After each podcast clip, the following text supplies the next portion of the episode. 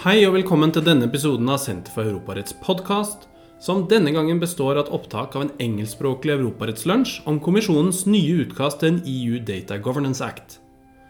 Dette forordningsutkastet er et av flere viktige EU-initiativer innen data, sånn som Åpen data-direktivet, det velkjente GDPR og det helt ferske utkastet til en AI-forordning. Og I denne episoden så vil stipendiatene Heather Broomfield og Mona Naomi Lindtvedt gi oss en oversikt over Data Governance Act-utkastet, med et særlig fokus på datadeling i offentlig sektor.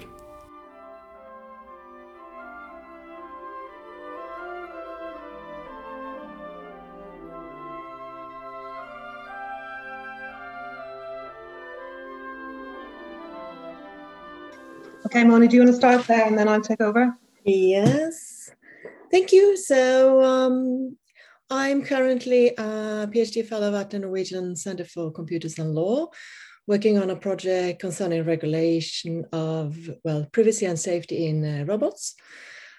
But I also have a background, uh, among other places, from uh, the uh, from Digitaliseringsdirektoratet, where Heather is working, but also from the Ministry of uh, Local Government and Modernization, where I work with the policy for public sector data sharing. And recently, before I joined uh, the faculty, I was the data protection officer at the tax administration, Skatteetaten, which is one of the largest data sharers to both uh, the public and the private sector.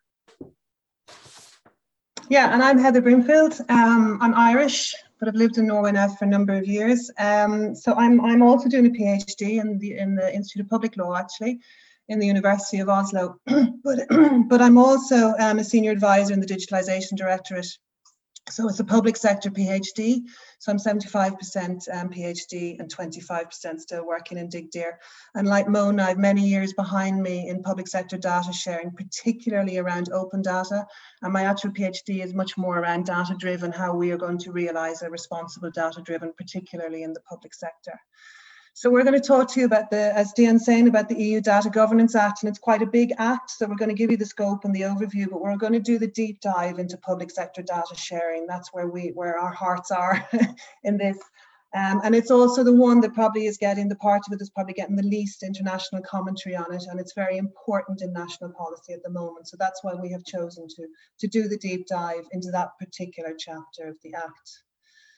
So what are we going to talk about? First, we're going to give you the European data con- or the European context. So Stian, Stian has already brought this up, you know, how important this is now in the European context. So it's going to give you the European context first. We'll talk a little bit about the Norwegian policy. Then we'll give you the scope and the inclusions in the Data Governance Act. then the deep dive, as I said, into the public sector data sharing. And then culminating in what this might mean for Norway. Now, Naomi will talk a lot about um, the, the generic things that all European countries are going to have to deal with. And then at the end, we just take a little bit of kind of what's a little bit extra special for Norway and what Norway has to has to really consider. There's many things, but just kind of things that we have pointed out. So this is, of course, von der Leyen. We all know this woman very well now at this stage. But when she took over as president, her agenda for Europe was very much data and artificial intelligence were really up front and central. Now, data, public sector information, data sharing has always been important in Europe. Actually, it can be traced back to the 1970s. But the past five or 10 years, we have seen a real increase in the importance of this and as well driven by the international situation in the US and, and China in particular. So they came with their data strategy in February of 2020, and they also came at the same time with the white paper on artificial intelligence. The Data Governance Act is part of is, is comes from the European Data Strategy, and the AI regulation that Stian mentioned um, a minute ago dropped last week um, and that came from the AI white paper. And both of these were done, were released on the same day. And both of these have the idea that data and artificial intelligence are ingredients for innovation, that we are absolutely dependent upon them. But we need to do this in the European way. So we need to balance the flow and wide use of data while preserving high privacy, security, safety, and ethical standards. So why? Why is this? Because the data economy is projected to be in the region of 829 billion by 2025. Huge numbers that we can't possibly grasp, but there's basically consensus that there's an opportunity here. Now, the other thing that, that's very important here is about this single market for data and the single digital market. This is about avoiding the F word that the European Commission hates more than any word, fragmentation. So this is about harmonization. It's about trying to harmonize the flow of data within the EU across the sectors for the benefit of businesses, researchers and public administration. So this is about the harmonization of the single market for data.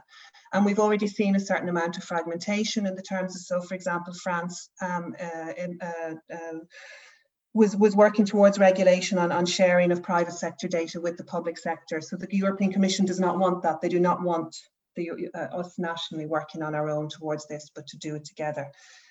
Technological sovereignty, digital sovereignty, hugely important in Europe, as, as we many of us know. as This is about setting standards rather than following those of others. So do we, we do not want to be dominated by big tech. We do not want them deciding our values and our standards. We want to decide these ourselves in Europe with a clear focus on data technology and infrastructure.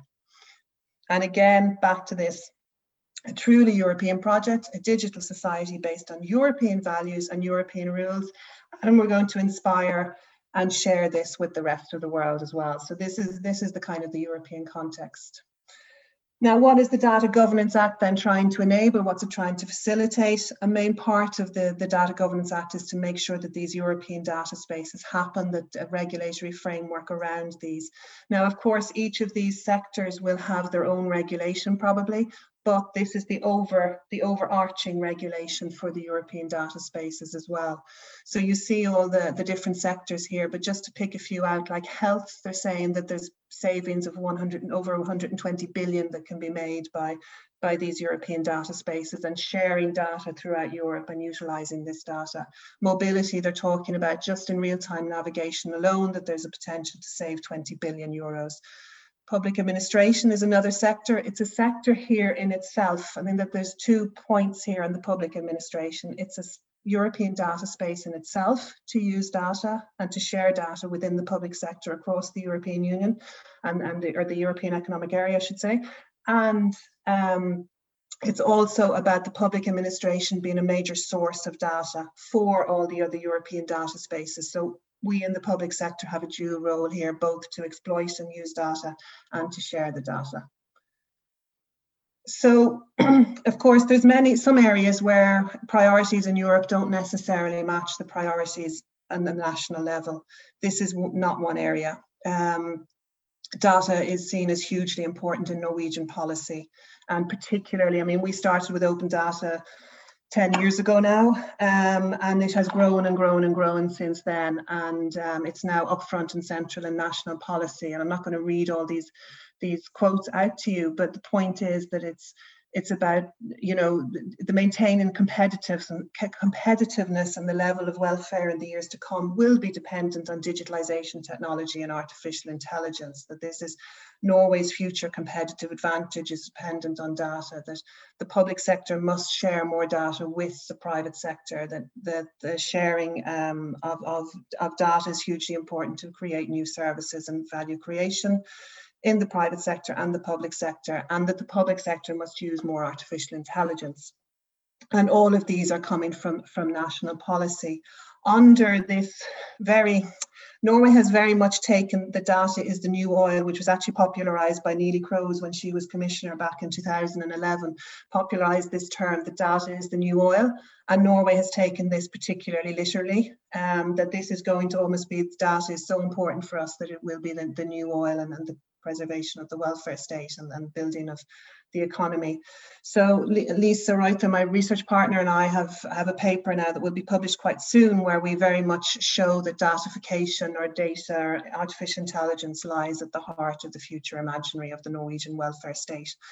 So the Data Governance Act is going to be very important for us here in Norway um, in, in terms of realising our policy as well. So now to get into the actual act. So what is the scope? The scope, the the the the act itself is very clear when we look at this sentence. What is the point of, of the act? It really, really reflects what, what Europe is talking about. So it's about facilitating data sharing across the EU and between sectors to create wealth for society. It's about increasing the control and trust of both citizens and companies regarding their data. So trust hugely important for Norwegian for European data policy um, and control and citizen control. And then going back to this alternative European model to data handling and the practice of major tech platforms. So this is about taking on the big tech as well, making sure we have a something to balance out that domination. So what does the proposal regulate then? Um, it, it, regulates the conditions for reuse of public sector data. We're doing a deep dive there, so there's no need to go to go into this at the moment. But just to say that this is data which um, has data protection. It's third-party rights, basically intellectual property, trade secrets, or other commercially sensitive information. Data sharing service providers is part under the scope. So these are data intermediaries, data altruism organizations, and then there will be the European Innovation Board will be established um, to, to, to oversee this, this um, regulation.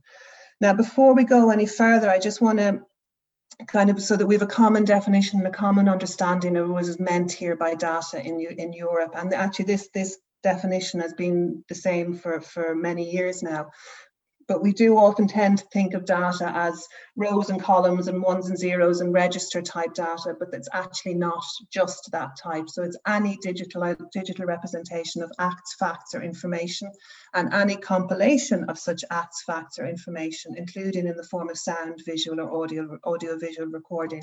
So this is much more than just spreadsheets and register data. This is all forms of, of digital representation of acts, facts, or information.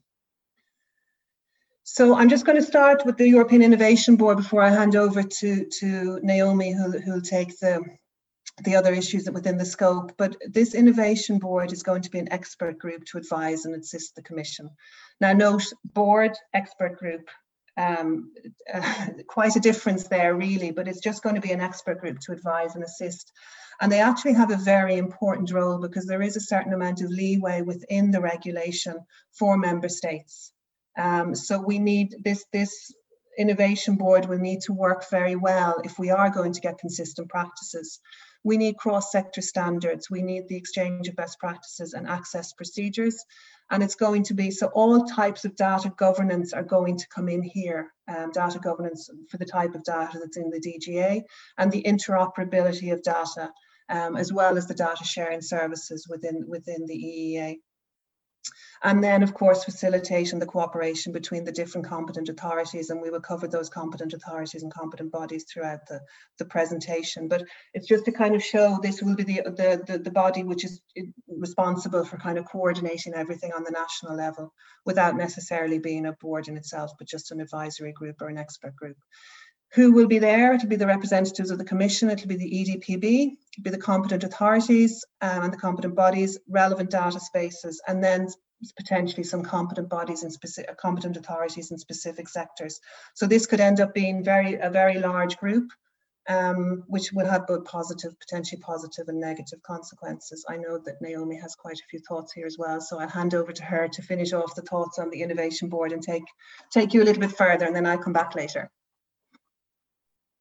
Yes, and it's mainly about uh, we see now that the Commission, when drafting new regulations, now start using the term board, but with very different meanings. So, for those of you who know the GDPR, the EDPB is mentioned here, the European Data Protection Board. That is actually a body of the Union with, with legal personality. While here, this is clearly an expert group, and Heather and I have been members of several expert groups. So they are very much, they're not like a board, they're more giving advice, and it's usually the commission calling the shots. We see also in the AI regulation, they uh, uh, propose a board. It will still not be a legal body, but they, uh, there are more procedural rules that are outlined for that uh, board. So some room for confusion here if uh, if um, thinking that a board is a board. And yes, as uh, as Heather said, this is will be a huge board. yes, and then we go to we will just very quick uh, briefly share with you the information about the two other uh, ways of sharing data than uh, the public sharing. So one is the data sharing service providers. This will be a private party could possibly be a public party. Uh, you can keep it on that Yeah. So here the thought is that you have companies and persons on one side allowing their data to be used. So through consent, or maybe they harvest data, it, it's not sure. You have this intermediary in the middle. They can sell the data, so they're allowed to make profits profits of the data, and the users can be companies, but they can also be persons. The next. So this is supposed to be, as they describe it, as a novel European way of data governance and of sharing data, where we separate uh, the data economy between those that have the data, those that share the data or intermediate that, and those that use the data. So they, these uh, um, data sharing service providers, they have to be placed in a separate legal entity. So for example, is if Evry wanted to have such an intermediary service, it has to be a separate legal entity and not uh, um, uh, mixing that business with the rest of the business, for example. They are not allowed to use the data for any other purposes than to make it at the disposal of the data users. So there are also restrictions on what kind of value added services they can put on top of that. So uh, these um, uh, intermediaries will, for example, not be companies that harvest data and then they make their own analysis, for example, and then sell those. So it has to be kind of raw data. They are allowed to do a few things to make them more easily accessible, but not the analysis part. So, and here also these are supposed then to act in the data subject's best interest. There will be a, um, a competent authority or several for these uh, service providers, which uh, who will monitor compliance and will have the power to, uh, to enforce uh, sanctions. Next. The next one is also a new um, a new creation, data altruism. Here, the thought is that uh, we, you and I, and everyone else, we want to share our data. Uh, with an altruistic uh, organization who will use the data or provide the data to other um, organizations, typically NGOs, that will use this data for the benefit of society. Next. So the, the assumption here is then that there is a strong potential uh, that we as individuals and companies do want to share some information, uh, typically uh, for research purposes. So I think research purposes, especially within the health sector, is the example that has been used the most. Next. So these uh, organizations also have to be legal entities then uh, with the objectives of general interest. They have to be non-profit. So yes, they can um, can, for example, have a fee, but they cannot make money after this, and they have to be independent from any other entity that they have, for example, which operate on a for-profit basis. So they have to separate this activity from other activities. And it, they have to ensure that the data then is not being used for any other purposes than the intended uh, purposes. It's supposed to be based on consent. There has been a proposition of having a, a, uh, common European consent form. It's in the regulation. The European Data Protection Board and the European Data Protection Supervisor have had lots of comments to, the, to that because it, it will actually mean a quite a general consent, which is not in, totally in line with the definition of consent of the GDPR. There must also be competent authorities for these uh, organizations, and they will they will keep a register over um, uh, the um, uh, altruism organizations and to monitor, monitor compliance. And, and the enforcements there will typically be that you will lose your status as a data altruism organization. Next. And then we come to the core of what we will talk to today. And this is the public sector data sharing model. Here we have the public uh, sector authority or body. They already have a lot of information. So this is uh, information that they have uh, as in a, with the power they have as a, uh, public authority. So information they have, for example, as a, a private law uh, entity is excluded, I think, a bit vague here. This data can be made be, uh, available for both persons and companies, uh, public sector and private sector, but public sector use here is limited um, mainly where the public sector is more operating as a private sector body. For example, if they or not as uh, not when they are making decisions, for example, but they also want uh, access to data to make analysis or maybe enhance other data they have, for example. It's supposed to be secure, very secure, because uh, as uh, Heather told you, this data will not be anonymous. This will be data which is protected by other rights. Next. Okay, I just I come in here now and just for this this slide again, and and this is just to talk about what the data sharing legislation. So to get an understanding of what is the current primary data sharing legislation. Now, as in before, that the, the public sector information has a long history. The Public Sector Information Directive, which is now the latest recast in, in 2019 called the Open Data Directive, is not new. This is 2003. It was the first iteration of the Public Sector Inf Information Directive based on many initiatives before that. But it deals with a certain type of data. This is about sharing of public sector information that is what we would call non sensitive, I suppose. It's about the data that can be shared openly and freely used reused and shared by anyone for any purpose. So there's no limitations on how it can be used, quite the opposite. It's, it's done very anonymously, it's just put out um, openly for all to use and reuse exactly how they might, might like to use it and based on open licenses. So, for example, in Norway, if we just think a little bit about what kind of data that might be, in Norway, the, the, the um, Company Register of Norway was the first country actually in the Open Government Partnership to open up company data um, in the world. That was in 2012. It seems it seems only yesterday, but it was actually in 2012. The Meteorological Institute, so the weather weather um, data, meteorological data from from Norway. Norway was again the first country to do this in the world to open up this data, um, and that was actually before that. It was probably around I think it was in 2008, if I'm not wrong, 2007 or 2008, and it's been used all over the world, um, even by, by farmers in Africa to to um, yeah golfers in, in Ireland they have told me they've used it.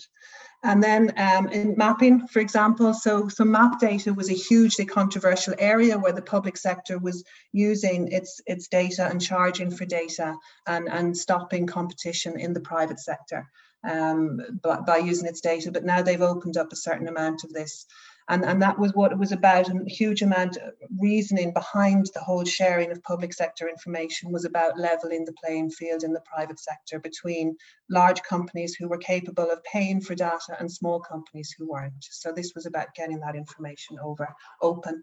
The other reason, or another major reason, actually, just as a little bit of a digression, but the, another major reason was that in the US this was always open. So this was at a federal level public sector information, public sector data was always open and shared, whereas in, in, in Europe, there was a lot of, uh, very often intellectual property rights on it. So what does the Data Governance Act do? Data Governance Act fills the gap of all the other data, the, and that's the, also very, very valuable data. The data with commercial confidentiality, with statistical confidentiality, intellectual property rights of third parties and the protection of personal data. Now, as you can see, I hope this is much more complex. It's a much more complex area and a much more complex data. So we're going to, we're going, that's why as well we're choosing to do the deep dive here, here today as well. It's a more complex area than the open data would be. So, and, and just to make the point that there are no exemptions from like GDPR, the e-privacy directive and, and trade secrets directive and the sector specific legislation. So back to you then, Naomi. Yes, and that is uh, also important. So if anyone thinks that the Data Governance Act will open more data, it doesn't. There's no changes or revisions being done to the Open Data Directive or the GDPR or any of the other regulations, as far as we know, to facilitate data to to be shared more than this so so this is kind of a way of how can we share this data which is protected more than how can we open that data? And that's important and that also makes it very complicated. So here they also and i want to, to highlight what do they mean by reuse? Actually I don't think we should go into that but that's been a huge discussion whether we use reuse sharing whatever. But it's then the use by natural or legal persons of any data held by the public sector. Uh, and, but importantly, and that's where these exemptions come in, for purposes uh, or except for the exchange of data between public sector bodies purely in pursuit of the public's task. So this regulation is not regulating the public to public sector data sharing, which we use a lot. So if NAV wants data from uh, the tax administration, the Data Governance Act, they don't go here, need to go here. They can still share data based on the conditions they do, which is uh, mostly it has to be uh, lift, uh, some kind of legislation lifting confidentiality, um, and then um, yeah, that's basically it. Uh, actually, a bit more complicated than that, but that's so. This is very much used in Norway today, based on regulation, and then uh, so this is uh, excluded in this regulation. Next, and there are reasons for that. Then, uh, and we will come to that. It's very important then to say that it doesn't extend any obligations that are all, uh, already existing um, um, obligations. This uh, regulation doesn't, for the public sector bodies, does not create any obligation to allow reuse of data. So, with the implementation of the Data Governance Act, there is no obligation saying we have to uh, share data if we don't want to. Also, we take, have to take into account national laws, national legislation. If that restricts sharing, then the Data Governance Act does not create any new legal basis. It does not create any right to reuse. So, for example, a private company wanting data from Skatteetaten, they will not be, they can't use this as a right, a leverage to get access to that data that they don't have access, are not allowed to use today, for example, because they lack legal basis, for example. And it does not release the public sector body from any of its confidentiality obligations. So, also important, very important point. Next one. And, but here they, they have done, uh, they have done the provisions more complicated than, than necessary. So this was also criticized by the EDPB and EDPS, because as you see here, they say that they may, you may impose obli obligations to reuse. For example, say that you can only reuse anonymized, uh, uh, anonymous data or pseudonymized data. But if data is anonymous, then and then we talk about true anonymization, which is extremely hard, especially with large data sets, and especially that you have to take into account a possible combination of data sets. Well, then, if we're talking about personal data, not the company data, we are outside the scope of the GDPR. And that should be emphasized in the, this regulation. And if the data is rendered anonymous, well, then it's open data and then it's within the scope of the uh, Open Data Directive. So then, so this part of the legislation is not logical, and it creates basis for misunderstanding because there are always a lot, of, a lot of misunderstanding and confusion about the what anonymous data is and what pseudonymous data is. Next one. So these regulations then also say, and there's lots of emphasis on this, to be able to share this information, because it's not only personal data, this is company data with trade secrets and all, well, you have to try to uh, make them less obvious. You have to, to pseudonymize the data. Pseudonymization is a term which is used in the GDPR and not for you know the company data, but we will probably have to assume that we will have to apply it on company data as well. So they say that you can use privacy enhancing technologies to then reduce the risk of infringement and then uh, before you share the data. This also points to that this data is not supposed to be used for kind of individual purposes. If you want my data and do know what I do, then this regulation is not uh, suitable or this uh, public sh data sharing uh, mechanism. This is rather, I want the information about every one of us in this digital room today because I'm because it doesn't matter who they are. I just only want the features. But as you also know, pseudonymous data is when we talk about personal data, that's They are personal data. They have to be treated like that. So this is only a way of reducing the risk. That means that all the obligations of the GDPR come into play. Next. And then you have this construction. So this is basically the um, technical and organizational measures to share public uh, sector data. So the public sector body may impose obligations either to that the, this data should only be used within a secure processing environment or that it uh, may be so sensitive that it can't you can't even uh, make have a remote access. The people or the companies or the researchers who want to use this data they have to come to your physical premises to get access to that secure uh, processing environment.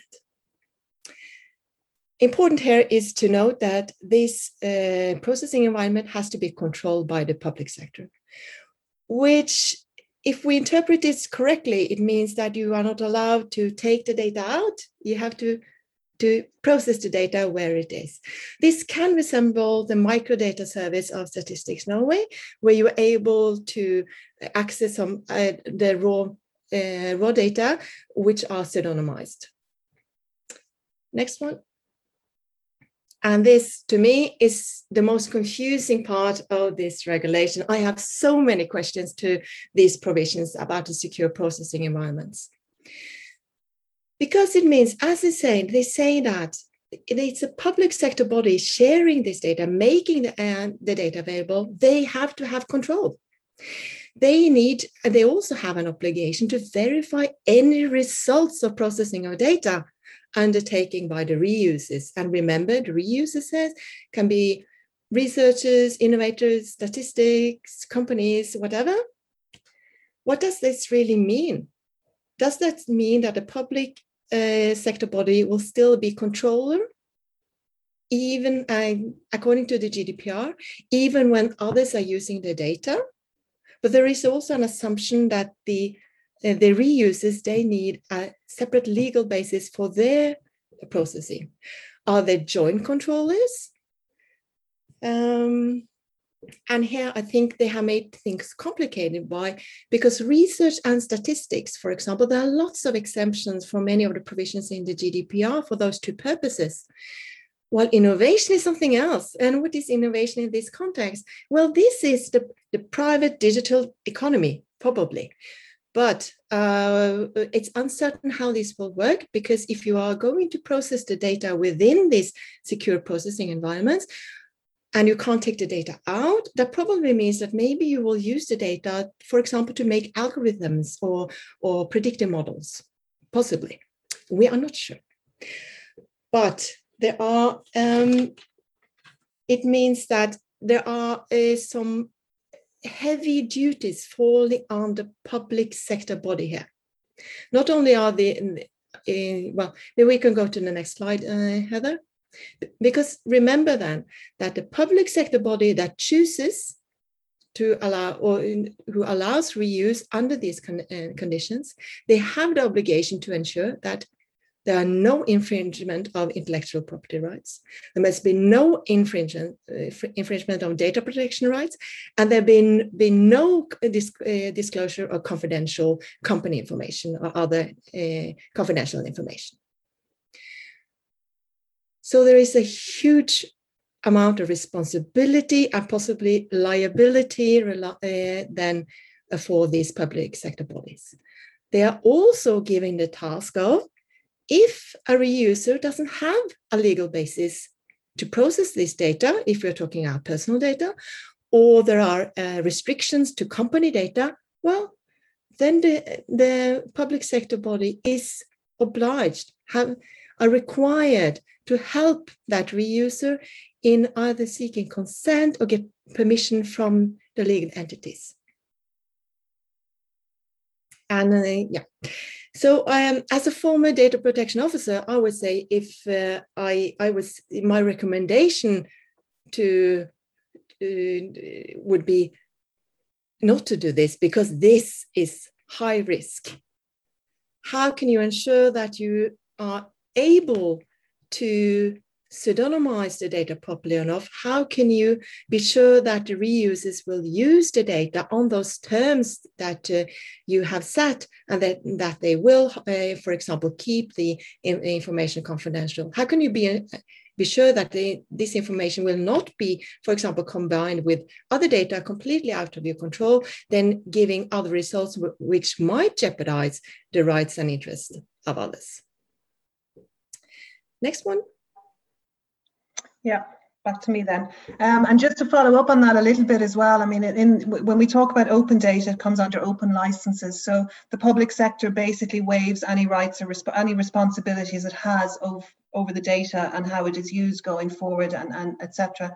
But the responsibility stays with very much in the D, in the DGA. So it's, it's, it's going to be a very interesting issue to, to watch going forward.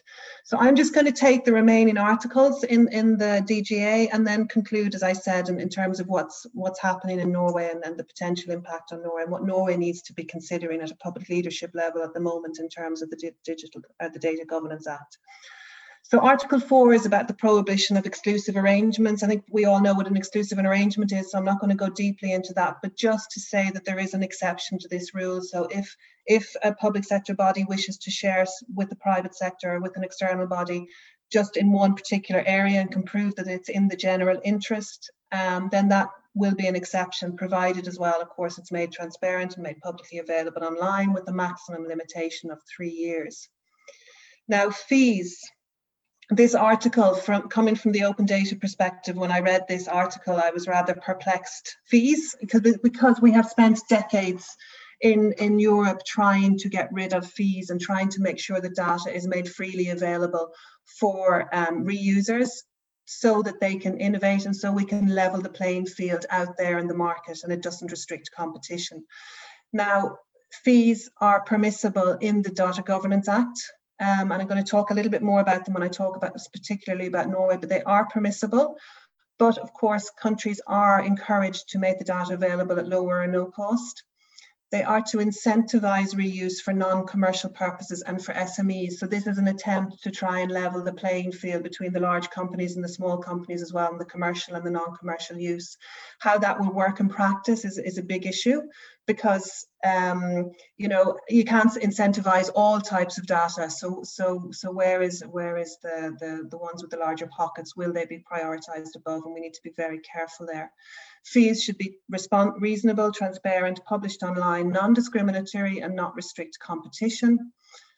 And importantly, they also must be derived only from the costs around processing requests. And that's a very important um, specification here actually is it's only around the cost. So anything to do with data collection, data management, data governance of the particular data will not be allowed to be included in, in the, the calculations around how the costs are, are come about simply around the costs around processing requests. Now, if we think around open data, the only it's only marginal cost is allowed, dissemination costs, and as we know, it costs nothing now um, to, to share data, so it's extremely limited what can be charged in, in, in open data. But the Deep Data Governance Act for this other type of data, they're really opening up the opportunity to charge fees, and it's a balancing act at a policy level and I will come back slightly to that at the end. And then, of course, all the methodology needs to be published in advance and the type of cost, etc., will need to be published and, and made openly available. Now, the public sector is, there are also going to be competent bodies in the public sector data sharing in the DGA. There will be one or several. They're probably going to be sectorally based. So in Norway, if we think about it, I mean, an obvious area would be the health sector, um, uh, company register, for example, that there will be sectoral approaches to this and they will be competent bodies to coordinate all the different types of public sector organizations who, who working with this type of data. So in the health sector, for example, there are hundreds, you're or well, very, very many public sector bodies that could be considered here. So the point is that these bodies will support the public sector with state-of-the-art techniques. And here is where the supporting them with the secure data processing environments, for example, and legal support, etc. Now, very importantly, down at the end there, that last sentence about adequate legal and technical capacities and expertise. So each member state is to have adequate legal and technical capacities and expertise to do all this, to provide all of this that Mona or that Naomi has been talking about and that I'm talking about here as well. So this is no no easy task. Um, and again, I'll come back to that in the Norwegian context. Probably, we could uh, oh, sorry, Heather. Can I just add because yeah. uh, if because how it's framed is that, for example, if we have one competent body, they need to have this adequate legal expertise in data protection, IPR, uh, um, trade secrets, any uh, and any other of these restrictions that come into play. And as far as we know, although many um, do have this uh, expertise, you don't find that many that have this this expertise combined. It's uh, and also there has been uh, comments from the EDPB and EDPS that point out that no, there can't be a competing competent body to the data protection authorities in the field of data protection. So that at least the personal data supervision should be within the DPAs. But then, of course, that, that doesn't cover all the other aspects. So this is uh, also a bit more complicated in practical in, in practice than it is on paper. Yeah. Um, Okay, and then so so the, the probably the the easy or the most simple uh, simple, but the clearest um, way to go here now, and the, the final of the article here is about the single information point. So each, each country will need to have a primary interface and information point for reusers. So this is the point where all reusers will go to request information, and this will be cross-sector. So this will cross-sector and combine for all the competent bodies as well and all the public sector. It's an electronic register of available data resources and all requests for the, the, reuse must be dealt with in a reasonable time and at least within two months from the date of the request. So this is the central portal, I suppose you could call it for this. Now it's pretty obvious what's meant here, and this is the national data catalogues. Every country in Europe basically now has a national data catalogue. These are primarily open data catalogues. So Norway's would be data.norge.no, Ireland would have data.gov.ie, etc. So each country has one of these, and it's building on these to expand them to the type of data that's involved involved in the in, included in the DGA, and really, I suppose, establish these as your nat national central central point here. So just here on the right, this is Norway's Norway's national data catalogue. It's the Data Norge No. This was actually established in 2011. So it's 10 years in operation now. Initially was for open data, but then it was combined with the, the common data catalogue and is now actually already already includes some of the data that the DGA will be will be considering. Obviously, it doesn't share them here. This is just a, a catalogue. So now what does what might this mean for Norway? I mean, Naomi's been into many of the issues and questions around this, but but just to kind of come, just to sum up um, and, and finish off about what this certain issues that we see for Norway and things that we need to consider maybe more deeply on a national level going forward and why we need to take the DGA seriously right from today and be starting to plan for this going forward.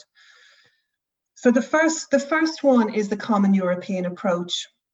We are very um, uptat, can't think the English word right this second, in Norway about our Norwegian oil you know, still don't like that phrase, but still we're very taken by the importance of this gold mine, that we have so much valuable data in Norway and it's a gold mine for us. And, and we need to get our Norwegian companies working here and innovation and research, etc. on this. But we have to remember this is not just Norwegian oil, this is European oil. European researchers, companies, public sector, etc., have the exact same rights to this data as we do here in Norway. And that's not always discussed and grasped um, when we think about this. And we need to make sure we're non-discriminatory here as well and that we don't impact competition. What then is also not thought about, and something this is the real positive about it, it's not just European oil, it's Norwegian oil. Now, yes, we have fantastic data. Yes, we have super valuable data, but we are also a very small country in a very big world. We are the size of Manchester. If our companies are going to be profitable and scalable and compete on an international level, they will need more than just Norwegian data. So we need to be thinking a lot more around how we can get European data opened and shared um, for our companies as well and, and what kind of data will be needed there and what and lobbying and being active much more active in Europe and in these European data spaces to make that sure that that data is shared throughout Europe and that we get access to that here as well in Norway. which we of course have a right to. Now, the other issue here is what, what the DGA doesn't um, deal with in any way really is that there is a fragmented data context already in, in Europe um, around the types of data that have been collected, how much of it has been collected over the years. Now, Norway, of course, started data collection right back in the 1960s and has continued it. And we have no overview exactly of how much data we have in the Norwegian have collected in the public sector. And it's also, we very often talk about our registers, but we also need to remember that we have a lot of, of digital services already, and these include a lot of behavioral data as well. Behavioral data is particularly interesting for artificial intelligence. So, so we have huge amounts of data, and other countries don't necessarily have this. This will mean that we will probably be one of the first countries um, where there are going to be a lot of requests for reuse of data. That's going to probably be in quite high demand, along with the Nordics. Um, so we need to think about how this is going to be prioritized, what kind of criteria we're going to put in place, which data is going to be shared first, and how we are going to work around this. And of course, we can't just prioritize Norwegian companies um, over, over other countries, so other companies um, from other countries as well. So we need to really start thinking about that soon so that we're ready to hit the ground running cost and competence. I mean, uh, Naomi has already really kind of discussed this already, but the point is that we need the, the adequate legal and, and technical capacities and expertise. This is far beyond. We have managed to build up quite a good, or a very good, I probably would say, data protection legal competence within the public sector now, largely um, through through the GDPR has been been particularly um, helpful there, but we don't necessarily have intellectual property rights expertise or competition expertise or trade expertise throughout the public sector. But we are going to need this type of competence. So we need to build this competence now and we need to understand this now. Um, and that's that's that kind of competence as well does not grow on trees. Um, to say it that way. And then the technical competence. So this is going to be both investments in terms of secure processing environments. So there's hardware and software investments that are going to be needed there, of course, but there's also technical competence and capacity there as well, which is going to be very important. And then just the final one, I just want to touch back on fees here because fees fees are a little bit tempting. It's very tempting to make a simple solution to a complex problem here. Of course, it's very expensive and we need to find ways of financing the sharing of public sector information from the public sector. But we need to do that without um, disturbing the market. We need to do that while also maintaining this level playing field within the private sector and obviously, of course, between the public and the private sector. So the automatic knee-jerk reaction of thinking, oh, well, we have so much data, so we'll just charge for this is not necessarily the way things should go. So this needs a conversation, an, an informed, actually political conversation around how this should be done and what the balance should be within Norway. I also just want to bring up here because it very often gets lost in in the around innovation and the economy and the economic advantages here the EU does not have competence over freedom of information. Freedom of information, openness and transparency, and the sharing of information from the public and sector for openness and transparency is hugely important, and we cannot remember forget that at the national level. We need to be bringing that into the discussion and into the into the the the um, the, the debate around this to make sure that that is preserved as well, and that we don't get just economic issues don't don't trump always trump openness and transparency. So we need a national consistency here, but we also need the EU consistency here. So this is where the, the um, European Innovation Board will be will be very important here to, to try to um, make sure there is consistency along those lines throughout the, throughout Europe, and so that there is predictability for our companies as well as to how much it might cost, etc. So um, thank you very much